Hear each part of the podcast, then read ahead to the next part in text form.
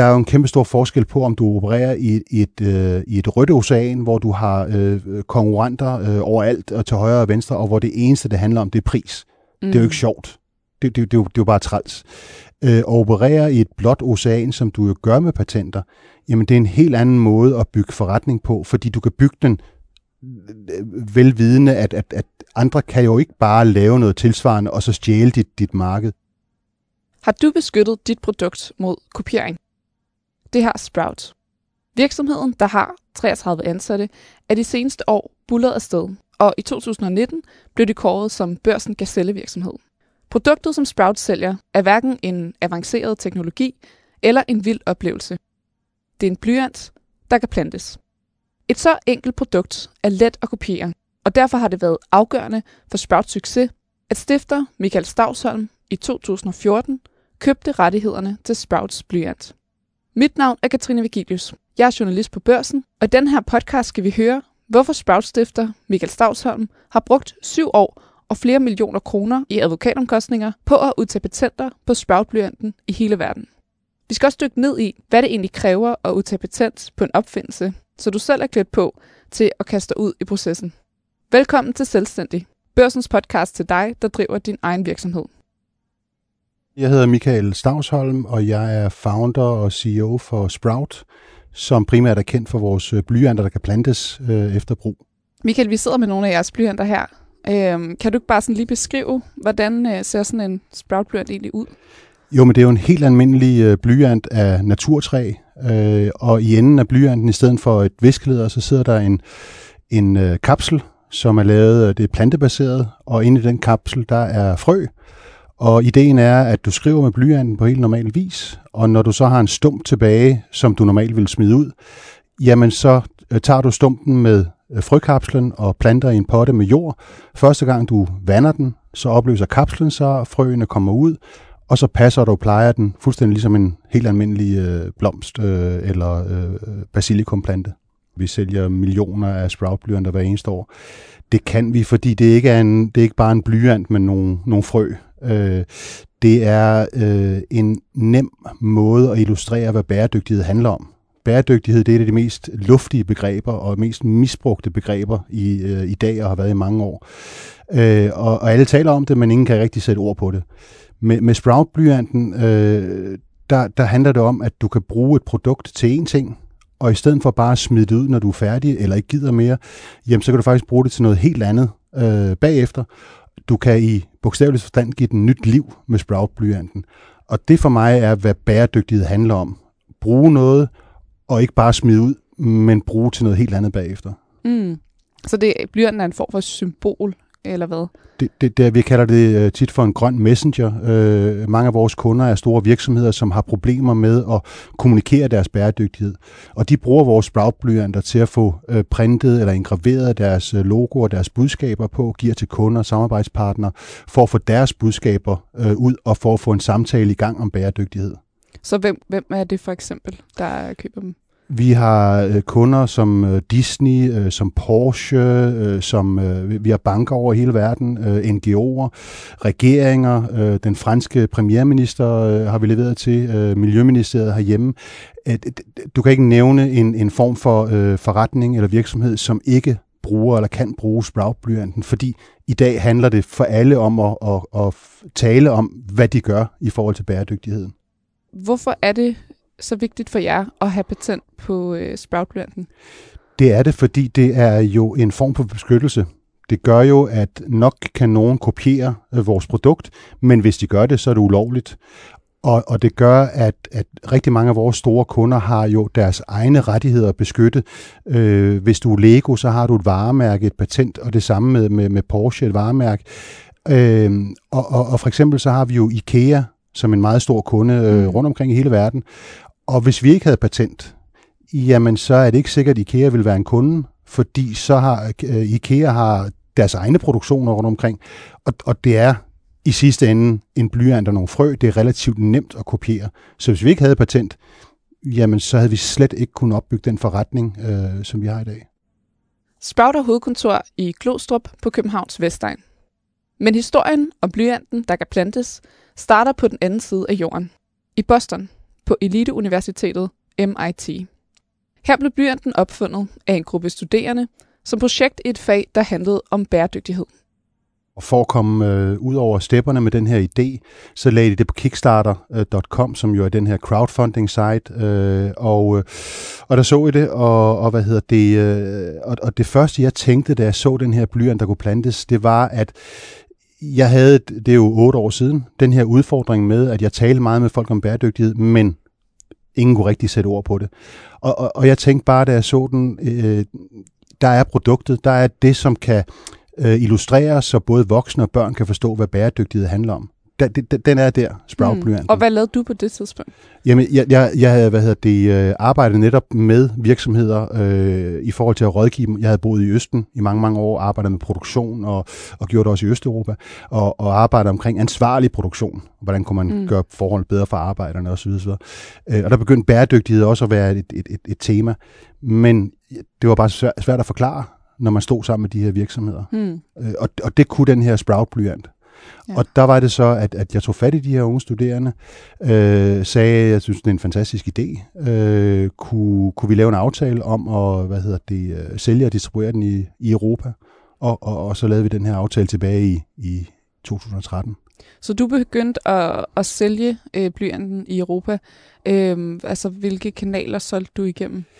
Jamen det, det første sted, vi lancerede faktisk øh, globalt set, og det var også inklusiv de unge studerende, det var i Danmark i øh, sensommeren 2013. Og det var i første gang i retail, altså i butikker. Det var butikker over hele landet. Øh, det var også øh, Søstrene Grene, og det var øh, hvad hedder det, museumsbutikker og små butikker osv.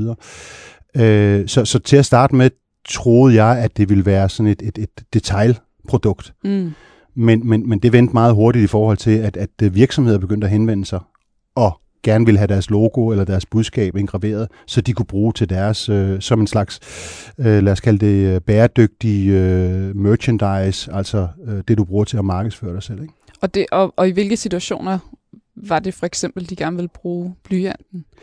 Øh, jamen altså, en af vores øh, aller, aller første øh, B2B-kunder, det var faktisk øh, TV2, da de lancerede TV2 Fri hmm. i, i foråret 2013. Det var inden vi rigtig var kommet i gang, men, men, men øh, jeg kan huske, de, øh, de bestilte øh, flere tusind øh, sproutblyanter med TV2 Fri og Hus og Have, og, og brugte dem til at dele ud i forbindelse med lanceringen, øh, for at tiltrække opmærksomhed omkring den her øh, tv-kanal. Så, så, så det var den, den type til at starte med, virksomheder, der mm. gerne ville Så allerede der i 2013, der, der, der kunne du ligesom se, at det var måske mere den vej, det skulle gå øhm, med salg til virksomheder? Det, det, det, det, det skete i hvert fald meget hurtigt. Mm. Øh, det, det var ikke sådan, at jeg satte mig ned og lavede en, en, en uh, forretningsplan og sagde, at nu er det, det, jeg skal fokusere på virksomheder osv. Øh, det kom af sig selv, fordi vi fik en, en masse, det var en ny idé, det var en, en, en novelty, og det var patenteret osv. Så, videre. så vi fik en masse medieomtale, inklusiv øh, rigtig meget i, i, i børsen. Øh, og det gjorde, at virksomheder begyndte at henvende sig, og, og, og så skete det, så rullede snibolden. På det her tidspunkt, der, der begynder du at sælge blyanten i Europa, men det er stadig de studerende, der ejer rettighederne til den. Præcis. Right? Øhm, og øhm, og hvad betyder det, det her med, at, at du sælger den, og, og, og er det rigtigt forstået, at de brugte ikke så meget tid på at sælge blyanten? Det, det, det er nemlig rigtigt. De var robotingeniører øh, fra MIT i Boston, og, og deres øh, store drøm, det var at bygge en robot, der kunne lave blyanter, der kunne plantes. Men, men selve produktet, de havde opfundet, var ikke øh, det, de var så interesserede i. Og de havde jo ikke nogen baggrund i salg og marketing, øh, produktion osv. Så, videre.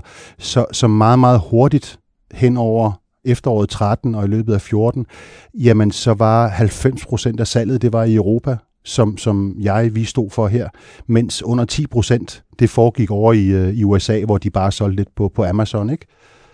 Øh, og hvad betød det for, øh, fordi de studerende havde stadig patentet, selvom det var jer, der, der, øh, der solgte rigtig meget. Ja. Øh, hvad, hvad betød det for, hvordan du ligesom så på, øh, på fremtiden for Sprout og på, på de her rettigheder? Jamen det, det der jo skete, det var, at, at øh, altså, øh, jeg begyndte at se, at okay, det her, det var altså ikke, det var ikke bare en gimmick. Det var rent faktisk et produkt, der kunne gøre en forskel i forhold til at inspirere øh, til, hvad handler bæredygtigt om, hvordan man kan gøre det. Ikke? Og vi begyndte at sælge i Italien, i Frankrig, Spanien, Tyskland. Øh, vi har aldrig haft en, en eksportstrategi. Den kom af sig selv, fordi vi fik mm. alle de henvendelser.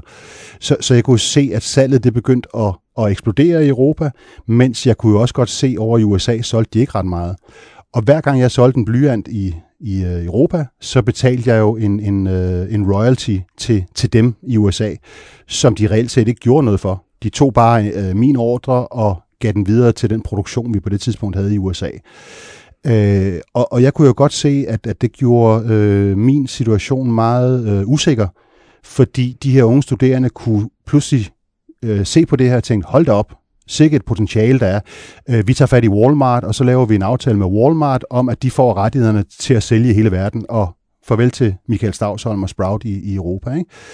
Så, så fordi jeg blev ved med at sælge, vi blev ved med at sælge så meget, øh, jamen så var jeg jo, jeg, jeg skød jo lidt mig selv i foden, fordi jo mere salg vi lavede i Europa, jo mere blev rettighederne værd. Hmm. Deres rettigheder, vel at mærke, hmm. ikke? som jeg ikke har nogen indflydelse på.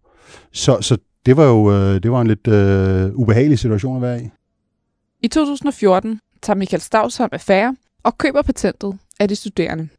2014 var det stadigvæk meget øh, fysisk, ja. og det foregik jo, øh, hvad hedder det, på det sidste møde over i, i, i Boston, hvor vi sad sammen.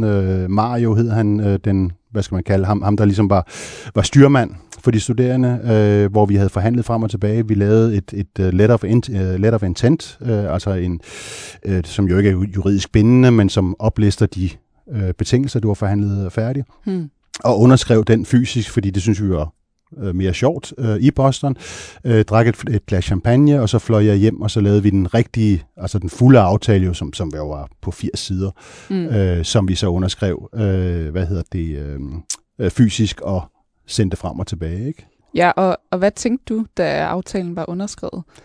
Jamen, det, det, var, det var en fuldstændig fantastisk øh, øh fornemmelse, fordi jeg er jo ikke, øh, jeg er ikke opfinder. Øh, og, og, og det, der sker, når du forhandler med en opfinder, det er, at, at, at op, for opfinderen er det sådan lidt øh, vedkommendes øh, barn, kan man kalde mm, det. ikke. Ja. Øh, du, du har opfundet, du har prøvet at bygge osv. For mig var det, øh, var det, var det jo kommercielt øh, enormt vigtigt at have den her aftale på plads, fordi så kunne jeg begynde at øh, investere fremad. Jeg kunne begynde at bygge virksomheden for alvor, uden at skulle være bange for, Walmart eller nogle andre øh, to rettigheder. Ikke? Mm. Så det var jo en kæmpe, kæmpe stor dag der i, i slutningen af, af 14. Ikke? Men arbejdet var langt fra slut. For de rettigheder, Michael Stavsholm havde købt, var midlertidige. De studerende havde udtaget et globalt patent i 2012, allerede inden de lagde blyanten ud på Kickstarter. Det var smart gjort, for hvis du først har offentliggjort en opfindelse, kan du ikke bagefter komme og søge patent. Opfindelsen skal være spritny. Når man har lavet en opfindelse og ansøger om et patent for første gang, starter en periode på to et halvt år. Og hvad du gør i de to et halvt år, er yderst afgørende. Hvad er det ligesom, der er ideen med, at der er sådan en periode på to eller to et halvt år? Det, hvad skal det, man bruge den tid på? Dels skal du bruge den til, fordi du, du, du kan relativt nemt øh, indsende en patentansøgning. Øh, altså det er en rigtig god idé lige at, at lave et par Google-søgninger og lige tjekke, at der ikke er, altså, at der ikke er noget, der er, op, at det ikke er opfundet i forvejen. Ikke? Men, men du skal øh, bruge de to, og en halv, øh, det to, de to og et halvt år til dels at undersøge, øh, hvad der ellers er derude, som kan kambolere med det. Fordi der kan godt være noget, som ikke er helt det samme, men som ligner lidt. Mm. Og så kan du risikere ikke at få patent på grund af det. Og så er der ingen grund til at gå videre. Øh, men også, at du har de her 30 måneder, to og et halvt år, til ligesom at, at undersøge det kommercielle marked mm. for dit produkt. Så, så du ligesom har to, to veje, du, du kan bruge de to og et halvt år til. Ja, lige til, præcis. Ikke? Og det var, jo, det var jo det, du gjorde, kan man sige, ved at sælge det, og fandt ud af, at det, der var en efterspørgsel på det. Præcis. Øhm, så hvis man sådan skal dele det her øh, den her patentproces op, så kan man sige, at den, den første halvleg, det er de her to eller to og et halvt år, hvor man, hvor man undersøger og ligesom prøver at gå op med sig selv, at det, det er værd at gå ind i en længere patentproces, og det er så anden halvleg. Øhm, og du øh, køber så de her rettigheder, og du har fået testet det kommercielle potentiale af, og fået bekræftet, at der er en efterspørgsel. Øhm, og så begynder, øhm, så begynder ligesom, øh, ja, det næste del. Øhm, Den dyre proces. Ja, ja, øhm, lige præcis. Og, øhm, og hvis vi bare starter sådan helt, øh, helt fra starten af, øh, hvad, hvad, hvad er det første, man gør, øh, når man skal i gang med, med, med den næste proces her, som jo er at udtage patenter, eller altså få patenter i de enkelte lande. Ja. Øh, hvad, hvor, hvor starter man henne? Ja, man, man, man starter, øh, for det første er det en rigtig god idé at hyre øh, nogle dygtige patentadvokater, fordi det næste step er meget, meget ressource, tidskrævende, men det kræver også en masse viden, øh, lokale partnere, øh, advokatpartnere i, i de enkelte lande osv. Øh, men, men det allerførste, der sker, fordi inden de to og et halvt år er, er gået, mm. der skal du ansøge i de enkelte lande, regioner. Hvis du, hvis du ikke gør det, inden de to og et halvt år øh, er gået, jamen så, så, så, så er det faktisk for sent. Altså så, er, så, så, så udløber det. Øh, mm, bare, og så er det i princippet lovligt at kopiere produktet. Præcis, eller, eller jamen præcis, så kan du, så kan alle øh, i princippet. Andre kan så ikke patentere det, mm. fordi du har jo allerede, øh, hvad hedder det, øh, offentliggjort nyheden, men, men omvendt kan andre lave, altså kopiere øh, det, som du troede var dit patent. Ikke? Så inden for de to og et halvt år skal du sætte det i gang. Mm. Og, og, og det første, man gør, det er at sætte sig ned og øh, beslutte, hvor er det, man gerne vil have patent. Mm. Øh, fordi det kan jo godt være, at dit eneste marked er Norden. Øh, du forventer ikke, at du skal ud og sælge eksport eller noget som helst. Det er noget lokalt øh, af en, en eller anden årsag. Og så er der jo ingen grund til at bruge millioner af kroner eller, eller 100.000 af kroner på at få det i Japan. Øh, så du sætter dig ned og finder ud af, også sammen med, med, med dine advokater, hvor giver det mening for dig at have patentet. Øh, fordi det kan godt være, at du gerne vil have et globalt patent og kunne sælge alle steder. Men det er ikke sikkert, at det er nødvendigt at have patent i Nigeria, eller i Chile, eller i Kazakhstan, mm. for eksempel. Mm. Så, så du prøver også ligesom at afgrænse i forhold til, hvor du gerne vil have patentet, netop for også at holde omkostningerne nede. Ikke? Ja, og, og, øh, og hvilket advokathus tog I fat i? Vi, vi, øh, vi valgte øh, de unge studerende fra MIT, fordi MIT er jo øh, meget, meget øh, hvad hedder det, omsom med patenter. De arbejder hele tiden med patenter. Så de rådgiver typisk de studerende og hjælper dem med at bruge nogle af de bedste advokathuse i USA til det. Øh, og, og den, det advokatfirma overtog vi så, øh, mm. hvad hedder det, øh, øh, og de har kontorer over hele, over hele verden, og de er, altså har en kæmpe stor afdeling, der er specialiseret i patenter. Mm. Så dem valgte jeg simpelthen at, at, at tage fat i og sige, I har været med fra starten, det giver ikke mening for mig at, at tage fat i en ny patentadvokat. Øh, det er meget bedre at køre processen videre med jer. Og det synes de selvfølgelig også er sjovt nok. Ja, ja. øh, hvis man nu er en dansk virksomhed, og man måske selv har opfundet sit produkt og har fået det testet af osv., så, videre, så kan man vel lige så godt tage fat i øh, en dansk patentadvokat eller Absolut. Ja. Jeg, jeg har arbejdet med flere dygtige, der er flere rigtig, rigtig dygtige patentadvokater øh, og firmaer i Danmark også, øh, som jeg også har brugt, eller vi har brugt sådan løbende hen over årene til at, og, lad os sige, få en second opinion på noget i forhold til det amerikanske, fordi der er også forskel på øh, USA, og der er forskel på Europa, i forhold til kopilove og øh, patentlove osv. Så, videre, ikke? så det, altså, typisk ville man tage fat i en dansk, øh, eller en, i hvert fald en EU advokat mm. på, på det, hvis man er baseret ja, i Danmark. Ikke? Ja, så jeres situation var ligesom lidt specielt, fordi det var startet i USA, og, og opfinderne havde, var baseret der. Præcis. Øhm, altså, øhm, før, før vi lige går lidt videre i processen, så, så tænker jeg, at... Øh, at nogle af, af mine lyttere, øh, det er jo mindre virksomheder, og de kan måske få helt øh, koldsved bare ved tanken om at skulle, øh, skulle hyre advokater, øh, fordi de er dyre. Ja. Øh, men, men det er også altså, nødvendigt for at få for, for det gjort ordentligt. Øhm, hører jeg dig sige, så kan man gøre noget for at sikre, at prisen ikke løber sådan fuldstændig løbsk? Altså, jeg satte mig jo ned med, med, med de amerikanske patentadvokater i starten og sagde, okay, det er her og her og her, øh, vi gerne vil have patenter, fordi punkt et, øh, det er enten de markeder, vi forventer at sælge meget i, eller det er nogle lande, hvor vi øh, måske kan frygte, at der er nogen, der kopierer os øh, fra, og derfor, der er det lige så vigtigt at have patent. Øh, og blev enige om det. Og så øh, gik jeg dem selvfølgelig på klingen i forhold til, hvad er det, I forventer, det vil komme til at koste. Og det fik jeg så et overslag på. Men det har jo så den hage ved det, at, at, at du kan ikke forudsige det på forhånd, fordi øh, det, kan, det kan godt blive meget, meget dyrt i Japan, fordi der måske er mange lokale patenter, som øh, støder lidt op af dit, og det gør, at processen bliver lang og kompliceret. Det kan også være, at, at der er ingenting. Øh, hvad, øh, Australien var det første sted, vi fik patent. Jamen, der var ikke noget, der overhovedet lignede eller, eller kunne øh, minde om det. Så, så det koster os nærmest ingenting at få det igennem. Ikke? Mm. Så det, det, det, det er meget, meget svært at estimere på forhånd, hvad det vil komme til at koste. Okay, så man kan, man kan prøve at lave en form for overslag for at få en idé om øh, prislaget, men man kan ikke 100% regne med det. Nej, det, det, det, det kan man ikke. Og, og, og, og jeg, vil, jeg vil måske sige, og, og det er ikke noget, jeg kan back op med, med, med, med noget, men at jo mere simpelt din, jo mere simpel din opfindelse er, øh, jo dyrere kan du faktisk risikere, at det bliver. Fordi jo mere mm. simpel noget er, altså en blyant med en frøkapsel, det er ikke særlig kompliceret det er teknologisk eller noget som helst.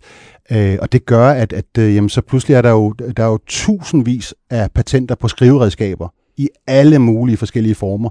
Og, og der, du kan ikke bare øh, krænke øh, dem på den, på den mindste måde. Altså, du er nødt til at have et fuldstændig rent patent på dit produkt. Mm. Så jo mere kompliceret din opfindelse er, jo, jo billigere vil det formodentlig være at få mm. patenter rundt omkring. Ja, ja.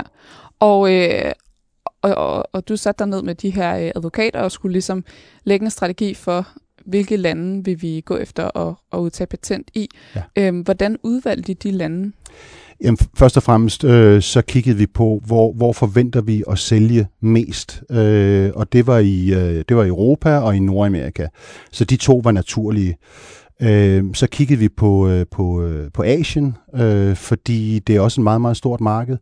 Øh, men der er rigtig, rigtig mange lande i Asien, så derfor øh, var vi nødt til at sige, okay, vi, vi går efter nogle af de mere veludviklede lande, øh, de større lande, som vi forventer øh, også i den nærmeste fremtid vil begynde at fokusere på bæredygtighed og på vores produkter. Så vi valgte at få patent i blandt andet øh, Japan, Sydkorea, øh, Australien, øh, Kina, øh, Hongkong osv. Ikke? Øh. Og skal man altså skal man have ansøgt, øh, eller sådan, skal man ligesom have udvalgt og ansøgt i øh, samtlige af de lande, hvor man vil patent, inden øh, de to og et halvt år er gået? Det er lige præcis øh, det, der er så øh, forbandet, øh, at ja, det skal du. Og når først du har sat det i gang, så kan du ikke komme tilbage efter de to og et halvt år. Altså når du først er inde i, i det tredje år, øh, hvor ansøgningerne er i gang rundt omkring, så kan du ikke pludselig komme tilbage og sige, hov, øh, jeg vil egentlig også godt have haft Brasilien øh, okay. patent. Øh, det, det, det er simpelthen for sent. Øh, hvad hedder det? Sådan, sådan er reglerne, og det er meget... Øh... Ja, ja, så selvom man lige pludselig... Øh kan se på sine tal, at øh, der bare bliver solgt en masse i Brasilien, og der vil jeg egentlig også gerne have patent, så er det bare ærgerligt. Det er lige præcis sådan ja. der, ja, ja. Okay.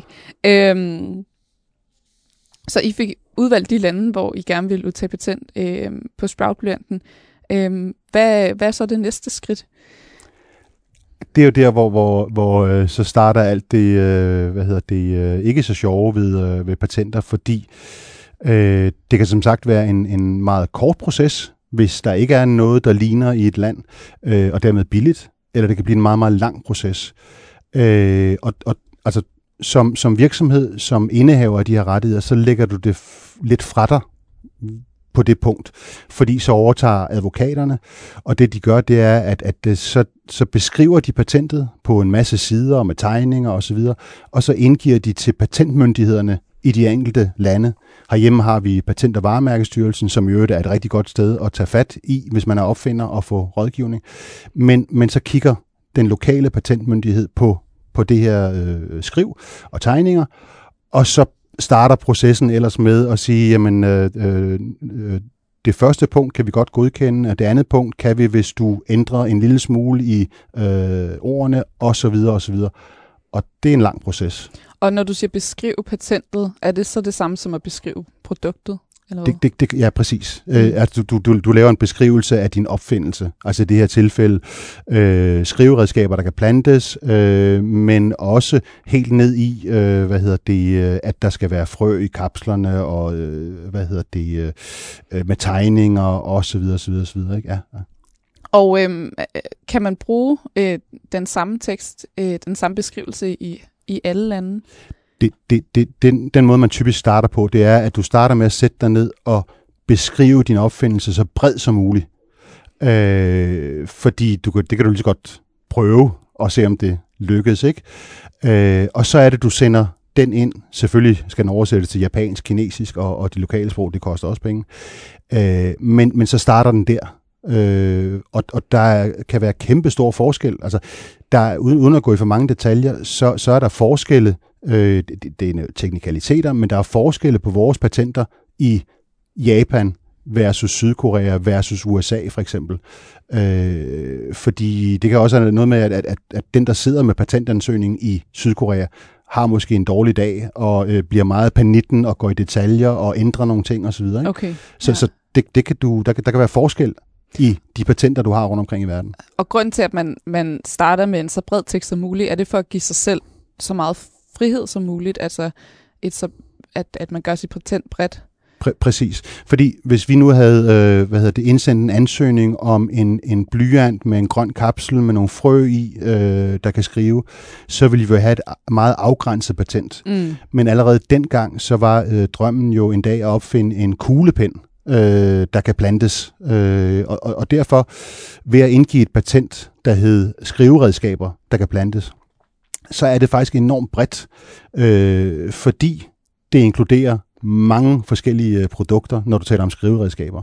Ja, lige præcis, og vi kommer også tilbage til øh, et andet produkt, I har fået tilføjet, som også går ind under øh, patentet. Ja. Øhm, nu er der for eksempel også krydderurter i de blyanter, vi sidder med her, men, men det gør os ud fra, at det er ikke noget, der står i, i patentet, at det skal være krydderurter. Nej, Øh, det det kan kun, være kun frø. Det kan være blomsterfrø, det kan være øh, grøntsagsfrø, det kan være alle slags øh, frø, netop for ikke at begrænse os. Ja, os lige selv, ikke? præcis. Og, øh, og det her med, at, at teksten kan ændre sig fra land til land, altså vil det typisk skyldes også... Øh, Øhm, altså du, ja, det kan være, at øh, sagsbehandleren har en dårlig dag, men, men vil det også afhænge af, hvad der ellers er i det marked? Altså hvis man nu tilfældigvis i Japan øh, har et kæmpe blyant øh, marked, at, at så vil det være anderledes i forhold til ja, et andet land, hvor man ikke har så mange. Ja, jamen, det er det nemlig, øh, fordi øh, øh, Japan-eksemplet, øh, kan jeg nemlig huske, at øh, der var en, øh, hvad hedder det, ikke et, øh, det var ikke blevet patenteret, øh, eller, eller nej, undskyld, det var blevet patenteret. Der var, der var nogen, der havde opfundet en blyant, hvor øh, frøene, og det var en virkelig mærkelig idé, men frøene var øh, indlejret i selve blyanten, så der var ligesom lavet et hul i blyanten, og så lavet klisterbånd udenom, og så var der frø inde i det her hul, altså inde i selve blyanten. Okay, Og det gjorde, at i Japan har vi for eksempel været nødt til at, at være mere specifikke i patentet. Altså at det er et skriveredskab, øh, hvad hedder det, hvor man skal øh, vende bunden i vejret og plante kapslen. Øh, vi kunne ikke bare kalde den for en et skriveredskab, der kunne, øh, der kunne plantes. Mm. Vi var nødt til at være lidt mere specifikke, fordi der var det her lokale patent, okay, ja. Det lyder som øh, et sjovt produkt. Øhm, okay. som ikke rigtig altså man skulle tage klisterbåndet af, og så, og så skulle man hælde frøene ud. ud. Altså, ja. det, det man skal vide med patenter, det er, hvis du søger for eksempel en amerikanske patentdatabase, så er der millioner, hvis ikke milliarder af patenter fra de sidste 150 år, eller hvor længe, øh, hvornår det er, ikke? Øh, jeg kan ikke huske tallet nøjagtigt, men det er noget med, det er under 3% af patenter, der rent faktisk bliver kommercialiseret. Resten, de forbliver et patent, som så bare udløber på et tidspunkt, uden nogensinde at have været i produktion eller, eller, eller brugt. Eller Men, noget men selv de patienter, der ikke er kommercialiseret, bliver der også taget højde for, Ja, det, når og det er jo det, øh, indgiver. Og, og det er der jo nogle virksomheder, der, der spekulerer i. Der, der er jo store virksomheder, øh, og, og jeg skal ikke nævne nogle eksempler, men der er store virksomheder, som, som øh, ansøger om patenter på alle mulige forskellige ting og måder at gøre ting på. Ikke fordi de selv skal bruge det, eller har tænkt sig at kommercialisere det, men for at forhindre konkurrenterne i mm. at gøre det. Ja, ja. Så det må man i princippet også op imod, når man indgiver en ansøgning. Præcis. Ja. Øhm, hvor længe kan det tage fra, at man øh, indsender en ansøgning, til at den bliver godkendt? Jamen nu kan man sige, hvis vi starter tilbage i de unge studerende, det var jo i efteråret 12. Så hvis vi tager derfra, som jo reelt er det første tidspunkt, der blev indgivet øh, patent på skriveredskaber, der kan plantes, øh, til vi fik det aller sidste patent. Øh, det gjorde vi her i foråret 2021.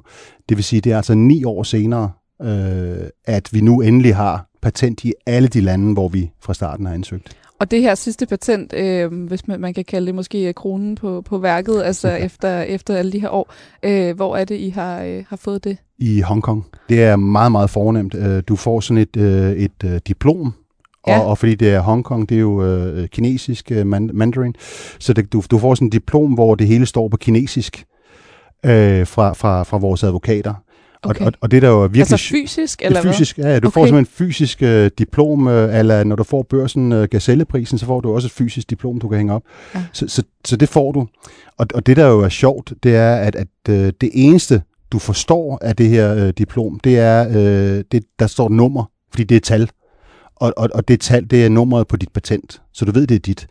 Resten kan du jo ikke øh, forstå. Så i princippet kan, kan, kan vi have fået et øh, patent fra Hongkong på øh, øh, raketbenzin. Øh, øh, jeg ved det ikke. Altså, ja. det, det hele ja. er på kinesisk. Okay. Men det ser mega cool ud. Ja, ja, det er, det nogle flotte skrifttegn. Det er men, øh, meget, meget flot diplom. Men ja. meget kompliceret at forstå. Præcis. Øhm, og hvordan blev det, øh, blev det fejret eller markeret på nogen måde?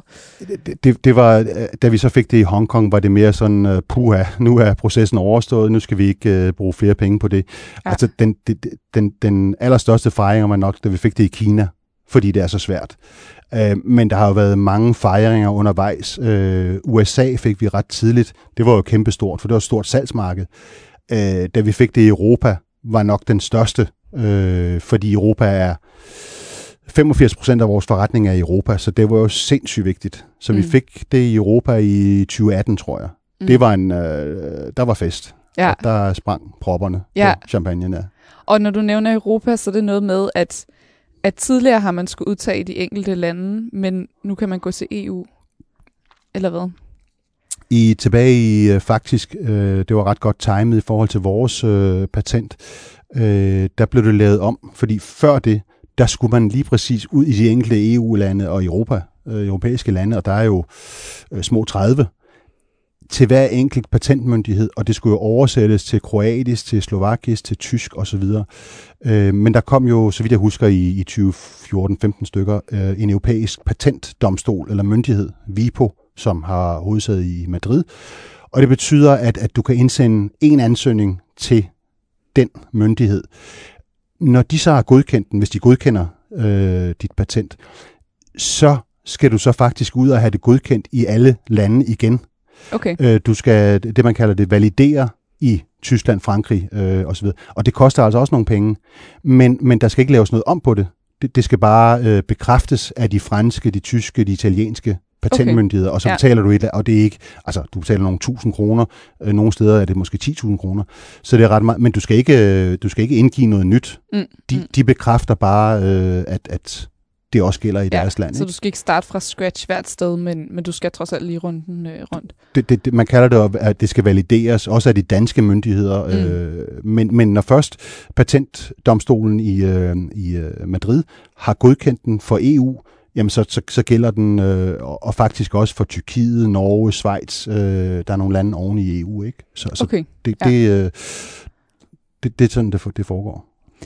Og øhm, en ting er, at det selvfølgelig har, har taget meget tid. Altså, øhm, du købte de her øh, rettigheder tilbage i 14, og, og det er først i år, at de har fået det sidste patent i Hongkong. Øhm, hvor stor sådan en økonomisk investering har det været? Jeg vil, jeg vil estimere, at vi hen over de øh, øh, 8 år mm, nok har brugt et sted mellem halvanden og to millioner kroner. Øh, mm. Og det er jo fordi, at, at Kina, Kina alene har været meget, meget, meget, meget dyrt fordi det har været sådan en lang proces. Okay. Øh, og alting skal oversættes til kinesisk og, og, og forklares osv. Øh, så vi har brugt rigtig mange penge på det. Det er ikke, altså, det er ikke, det er ikke et udtryk for, at, at så meget koster et patent øh, hver gang. Det er et udtryk for, at vi har valgt nogle lande også, hvor det, mm, det er meget hvor dyrt. Hvor det er dyrt, ikke? og man skal også selv finansiere oversættelse og du, du, du betaler for alt. Ja, ja, ja præcis. Ja. Det, er, det er udlæg øh, fra, fra advokaten, ja. Ja, og, eller, og ellers så er det primært advokatomkostninger, der, der tæller i de her Ja, det er det. Og advokaterne bruger jo rigtig, rigtig meget tid, fordi øh, sådan en, en, en proces med en Øh, patentmyndighed i, øh, i Kina for eksempel, det vil, øh, altså jeg, jeg, kunne, jeg, vil, jeg vil tro, der måske har været 50 omgange frem og tilbage, frem og tilbage, okay. ændre i nogle tekster, prøve at få den igennem. Øh, det gik ikke. Så lige ændre på nogle ord igen og tilbage igen. Så, så, så der bliver brugt enormt meget tid og ressourcer, og du sidder med din primære advokat, som så har sit lokale kontor i, i vores tilfælde, ikke? Øh, som sidder med patentmyndighederne. Så det er bare en lang og, og dyr øh, proces, men, men altså for mig er det det hele værd. Ja, og, og det, det øh, vil jeg også spørge dig, øh, hvorfor øh, er det trods alt det hele værd, når det, det, ja, det er mange år og mange penge, jeg har brugt på det. Hvad, hvad får dig til at synes, at det alligevel er det hele værd? Jamen, den, den primære årsag, som, som vi også øh, øh, talte om lidt tidligere, det er det her med, at vi havde aldrig nogensinde fået de her store virksomheder til at være øh, gentagende kunder. I, altså, IKEA øh, har øh, været en kunde siden øh, 2015-2016, og rundt omkring i, i alt lige fra USA til Tyskland til Frankrig øh, lever, har vi leveret til IKEA. Og, og det var aldrig sket, hvis vi ikke havde patent. Fordi så havde de bare lavet øh, deres egen blyant med, mm. med nogle frø i, hvis det var det, de ville, i Kina på en af deres fabrikker. Ikke? Så den forretning, vi har i dag, vil aldrig nogensinde have den størrelse, øh, den har, hvis ikke på grund af patentet. Så derfor er det det hele værd. Mm. Øh, men samtidig så er patenter, de gælder jo typisk i, øh, nu kan jeg ikke huske, om det er 25 år. Det er jo, det er jo et, et, et voldsomt aktiv for din virksomhed. Øh, det har en stor værdi fordi øh, øh, nu har jeg absolut ingen planer om at, at hverken sælge eller noget som helst Sprout, men, men, men virksomhedens værdi gør jo, at hvis der en dag øh, skulle, så har det en helt anden værdi, end hvis vi ikke havde patenter. En ting er jo det her med at udtage patenterne, og, øh, og det har vi så hørt om nu. Øh, den lange proces, det er. Men når man først har øh, patenterne i hus, så slutter det jo heller ikke helt der. øh, fordi der vil jo nok stadig være folk, der forsøger at kopiere øh, ens produkt, hvis, øh, hvis øh, man kan slippe afsted med det. Øhm, hvad gør I hos Sprout for at beskytte jeres produkter og holde øje med, med kopister og komme efter dem? Jamen altså de første mange år var det en, en kilde til øh, evig frustration, fordi der dukkede hele tiden øh, øh, billigere, øh, men meget... Øh, øh, nu, nu tænker man, at det her det er bare en, en blyant øh, med, med nogle frø i, men, men frøene alene for eksempel, øh, hvis det ikke er øh, lokale frø til det marked, så, så kan de være det, man kalder evasive, altså de, de, kan, de kan ødelægge den lokale fauna. Hmm. Så, så du kan ikke bare putte kinesiske frø i en blyant og sende den til Europa, fordi så risikerer du faktisk, at den ødelægger den plante, det planteliv, der er i Tyskland, eller, eller hvad det er. Øh, så, så der er rigtig mange ting der, og, og det var en kilde til frustration i starten, at, at jamen, øh, de begyndte at dukke op, kopierne fra Kina og fra Tyrkiet, øh, mm. især øh, senere fra Indien også. Øh, men og, og det er meget, meget svært at, at, at tage kopister i retten i Kina for eksempel. Det er nærmest mm. umuligt. Men, men det kan du altså i Europa og i USA. Og der har vi et helt andet retssystem, som beskytter patenter og rettigheder. Øh, plus at du har en masse øh, europæiske kunder og, og, og så videre, som, som godt ved, at de har deres egne rettigheder, de skal beskytte. Men, men vi, vi oplever de her kopister hele tiden mange gange. Det kan godt være, at de kun har øh, 10 følgere på Instagram og deler et, et, et billede, men vi ser det, fordi vores systemer øh, fanger det. Øh, og, og det har været et, et, et først og fremmest et, et problem, fordi det har frustreret. Altså, ja. De første mange år blev, blev jeg sur, hver gang jeg så en kopist, ikke? Mm. eller en kopi. Nu har jeg lært at, at tage det sådan lidt mere med, når jeg, altså, øh, det må vi bare sørge for, at de ikke sælger ind i Europa. Ja, ja. Ikke? ja, der er andre, der også synes, at det er en god idé. Ja, men, øhm. men, det, men det har alle årene været et, et, et stort problem. Øh, også fordi det igen, det er et relativt simpelt produkt at kopiere. Ikke? Mm, og, og nu siger du det her med, at jeres systemer fanger det. Kan du ikke forklare, hvad, øh, hvad gør I for at, at overvåge det her? Hvad, hvad er det for nogle systemer, I har, og hvordan, hvor mange ressourcer bruger I internt i virksomheden på at holde øje med kopister? Jamen indtil for et par år siden var det meget, meget svært for os, fordi der, der fandt vi kun kopisterne, når nogen gjorde os opmærksom på, at der var en hjemmeside med kopiblyanter, eller at øh, de havde set noget på Instagram eller Facebook. Øh, hvad hedder det? Øh, og, og, og, ellers så fandt vi det kun enten tilfældigt, eller når vi Google-søgte en gang imellem. Men der fandt vi det jo kun, hvis kopisterne decideret brugte øh, nogle bestemte udtryk. Øh, men, men for nogle år siden begyndte vi at bruge øh, kunstig intelligens øh, et mm. system, hvor, hvor alle vores øh, søgeord er uploadet, altså øh, frø, frøblyant, øh, planteblyant, øh, sproutblyant, øh, billeder af blyanter, der kan plantes, er uploadet i det her system. Mm. Og, og, og det, her, det, det system gør, det er, at det har lært at genkende for det første billeder af blyanter, der kan, kan plantes, øh, men også afsøger både hjemmesider øh, via Google, øh, Alibaba, Wish.com, Amazon osv. Mm. osv. for øh, kopibilleder eller kopitekster. Mm. Og så tager de fat i dem. Øh, 9 ud af 10 gange er kopisterne bare nogen, der er lidt smart i en fart. Øh, de har ikke undersøgt, at, at der var patent, så de skynder sig at, at, at fjerne det.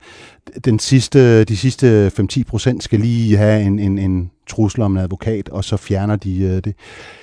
Det, at det er blevet automatiseret, det har faktisk sparet øh, enormt mange mandetimer, mm. fordi vi før skulle sidde manuelt ja. og søge. Ikke? Ja. Ja. Så, så, så øh, altså, det gør, at jeg kan sove, vi kan sove meget mere roligt om natten. Ikke? Og, hvad, og det her system, er det noget, I selv har udviklet, eller er det noget, I har købt ude i byen? Det, det er noget, vi, øh, vi køber ude i byen. Det er et øh, spansk-amerikansk øh, system. Øh, det er noget, der hedder Red Points, men, men der findes øh, flere lignende øh, systemer.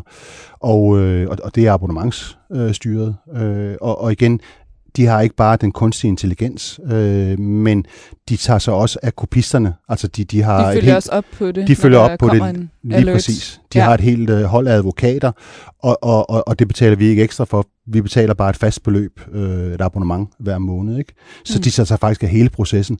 Og det har ikke bare sparet os internt, men det har faktisk sparet os rigtig mange advokattimer, fordi vi ellers før skulle have vores altså meget dyre advokater til at tage fat i uh, de her kopister. Mm, og de kan måske holde prisen ned, fordi de har en masse forskellige uh, brains, de sidder og holder øje med. Ja, præcis. Ikke? Øh, og, og, og de sender øh, nærmest automatiserede trusselsbreve øh, ud, ikke? Mm. Øh, ja, templates. Ja. Og, og igen, de fleste, der kopierer, øh, er ikke klar over det, har ikke sat sig ind i det, så når de får det brev, så bliver de med det samme øh, øh, bange, nervøse, og stopper og fjerner og destruerer osv. Ikke? Mm. Har, I nu, har I oplevet, at I har skulle trække nogen øh, i retten som resultat af, at de havde kopieret jer? Held, heldigvis aldrig, øh, fordi det er, øh, det er en enormt øh, dyr øh, proces og, og, og langvarig. Øh, men men øh, nej, så, så nej, det har vi heldigvis aldrig... Øh, aldrig oplevet. Øhm, nu har vi jo talt meget om jeres øh, klassiske blyant, øh, men øh, du, du har faktisk også taget et andet øh, øh, et andet produkt med i dag, øh, som jeg sidder med her. Det ligner øh, lidt blyanten. Øh, der er nogle frø nede i bunden, og det er sådan en træblyant. Den er lidt kortere, og så er der et øh, sådan hætte på. Øh, og når man tager den hætte af, så, øh, så kan man simpelthen se, at det øh, er en, øh, en eyeliner, øh, eller en makeup blyant. Øhm, øhm, øh, og øh, hvad, hvad, hvad går det ud på, og hvornår, øh, hvornår kan man øh, købe dem ude i verden? Dem kan man allerede købe. Vi lancerede den øh, på vores egen webshop øh, tilbage i slutningen af sidste år, mm. så, så man kan købe den på, på sproutworld.com. Men det er også en, vi er i gang med at introducere rundt omkring i, øh, i verden i, i udvalgte markeder. Men lige nu kan man købe den online på vores øh, webshop kun. Og øh, skal du så igennem hele den samme proces igen øh, med at udtage patenter nu, hvor I lancerer et nyt produkt? Det ville jeg være enormt ked af, hvis jeg skulle. øh, og det er, det er det, der er det smukke ved den her øh, eyeliner, som også, øh, der kommer også en browliner, der kommer også en lipliner, alt sammen, som kan plantes. Øh, historien er, at, at vi for, for en del år siden satte os ned og kiggede på det her patent, som vi jo netop havde gjort meget bredt ved at sige øh, skriveredskaber, du kan plante. Og, øh, og det havde vi jo, fordi egentlig den ultimative drøm var at lave en kuglepen, der kan plantes det er en meget, meget lang øh, øh, ude i fremtiden. Men, men vi satte os simpelthen ned og, og hvad hedder det, øh, kiggede på, hvad var der, hvad kunne man ellers finde på at skrive redskaber, mm. du kan mm. plante. Og, øh, og lavede en brainstorm i, øh, i virksomheden for efterhånden en 4-5 år siden. Øh, vi har øh, en, en høj andel af, af kvindelige medarbejdere, så der var mange kvinder omkring bordet. Og en af dem sagde lige pludselig, hvorfor laver vi ikke en, øh, hvorfor laver vi ikke en make-up blyant, der kan plantes? Og, øh, og, og jeg, jeg, det er en af de få gange i mit liv, jeg har sagt sådan, og jeg skammer mig over det i dag, og jeg har sagt undskyld mange gange øh, efterfølgende, men ja. jeg sagde til, øh, til bordet, øh, rundt om bordet, at det var den dummeste idé, jeg nogensinde havde hørt. Fordi, altså, hvor mange øh, af sådan nogle eyeliners og browliners øh, bliver der i virkeligheden brugt øh, rundt omkring i verden, ikke? Øh, det var så der, hvor hun meget køligt uh, tog sin taske op på bordet, åbnede og, og smed tre forskellige uh, brow, eye uh, og, og så videre på bordet. Ja. Og så begyndte de hele vejen rundt at åbne uh, tasker, og alle havde enten en enkelt eller nogle flere. Ja. Ikke? Det var en og, verden, du ikke kendte det var, så indgående. det, det, det er meget pænt sagt. Ja, det var en verden, jeg ikke uh, kendte. Og, og, og viste sig at være et, uh, altså det er milliarder af liners, øh, eyeliners øh, og, og så videre, der bliver produceret hver eneste år. Øh, og så tog vi fat i vores patentadvokater, og så sagde vi, okay, øh, øh, hvad, hvad med makeup øh, blyanter? vil det kunne være en del af vores øh, patent? Og, og, og de sagde med det samme, jamen øh, det, det, selvfølgelig er det det, fordi en, en eyeliner, browliner, lipliner, eller, eller hvad det nu er, den, den skriver du jo med. Du skriver med den, selvom det er på dit, og det lyder mærkeligt, selvom du skriver på dit, dit øjenbryn eller, eller, eller dit øje, jamen så er det jo et skriveredskab. Hmm. Ergo er det patentsmæssigt også dækket af skriveredskaber, der kan plantes. Faktisk er, øh, øh, hvad hedder det, børster, øh, hvis vi fandt på at lave en, en, en make-up børste eller en, en uh, maler, mm. malerbørste, øh, der kunne plantes, så vil den også være dækket, fordi en, en, en børste kan du også definere som et skriveredskab. Du mm. kan jo du kan jo skrive med en pensel en, med en ja, børste, ikke? på engelsk hedder en, en uh, brush. brush. Det er jo både en, ja, en make-up børste og en pensel. Eller, ja. Præcis, præcis. Ikke? Så, så det er altså også øh, hvad kan man sige, en fordel ved det her med, at man har, man har lavet sit patent ikke alt for snævert, at man kan, kan videreudvikle på det og få flere produkter altså puttet ind under samme patent. Det, det, det, det giver så meget mening, og, og det er derfor, det er så vigtigt at sætte sig ned fra starten og forsøge at gøre det så bredt som muligt. Velvidende, at øh, jamen, det, det skal nok blive øh, snævret ind i løbet af den her lange mm. proces, ikke? Men, men, men meget bedre at starte meget bredt, og så få det lidt øh, mere snævert, end at starte meget snævert, og så har du bundet dig selv til noget, der er meget, meget, meget specifikt. Ikke? Mm, mm. Øhm, Michael, hvad, øh, hvad er det vigtigste, du har lært gennem den her proces med at udtage patenter? Jamen, det, det, det er, øh, altså for mig er det, det, det, der er jo en kæmpe stor forskel på, om du opererer i, i, et, øh, i et rødt ocean, hvor du har øh, konkurrenter øh, overalt og til højre og venstre, og hvor det eneste, det handler om, det er pris. Mm. Det er jo ikke sjovt. Det, det, det, det, det er jo bare træls. Øh, at operere i et blåt ocean, som du jo gør med patenter, jamen det er en helt anden måde at bygge forretning på, fordi du kan bygge den øh, velvidende, at, at, at andre kan jo ikke bare lave noget tilsvarende, og så stjæle dit, dit marked. Mm. Øh, og og, og det, øh, det for mig har der været det vigtigste i den her øh, proces. Øh, mm. at, at jamen, det kan godt være, at hvis jeg skulle, hvis jeg havde vidst for otte år siden, at jeg kom til at bruge 2 millioner kroner øh, eller mere på patenter, jamen så kan det godt være, at jeg lige havde sagt, uh, skal vi nu, og måske ikke Kina, og, og, og så videre. Men, men i dag er jeg jo glad for, at jeg har gjort det. Mm, mm. Ja, du siger det her med at være i et, blåt ocean, altså det det her med, at man ikke har øh, ekstremt mange, øh, der, der konkurrerer om det samme marked eller sådan. Øh, men altså man kan jo godt have man kan jo godt have konkurrenter, der laver noget lignende. Altså I kan jo godt konkurrere med nogen, der også har en øh, Green Messenger eller eller hvad det var du kaldte det. Men så er det mere på så er det ikke bare på pris man konkurrerer, så er det mere på noget kvalitet og øh, og noget ekspertise eller noget der er lidt sjovere måske at konkurrere på? Jamen præcis. Altså, jeg, jeg er mange gange hen over årene blevet spurgt, øh, øh, hvem er jeres øh, største konkurrenter? Og, og, og, og det er vidderligt, og det har aldrig været for at være kæk eller, eller noget som helst, men, men, men svaret er hver gang, at, at vi har ikke nogen konkurrenter. Hmm. Fordi vi har det her blå ocean og, og et patenteret produkt, også nu med, med eyelineren. Ikke? Men, men, men det er jo selvfølgelig en sandhed med modifikationer, fordi nøjagtigt som du siger, Jamen, det her, det er vores øh, sproutblyant, er jo en, en, en grøn budbringer.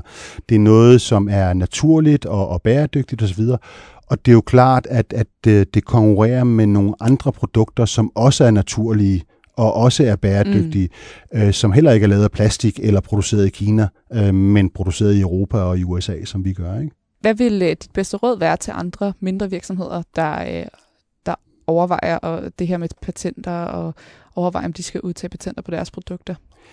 Jamen det er, øh, hvad hedder det, øh, for det første så er der mange, der misforstår det her med patenter. Der er nogen, der tror, at man kan patentere et navn for eksempel. Hmm. Det kan man selvfølgelig ikke. Det er varemærke registrere dit, dit firmanavn eller dit brand. Ikke?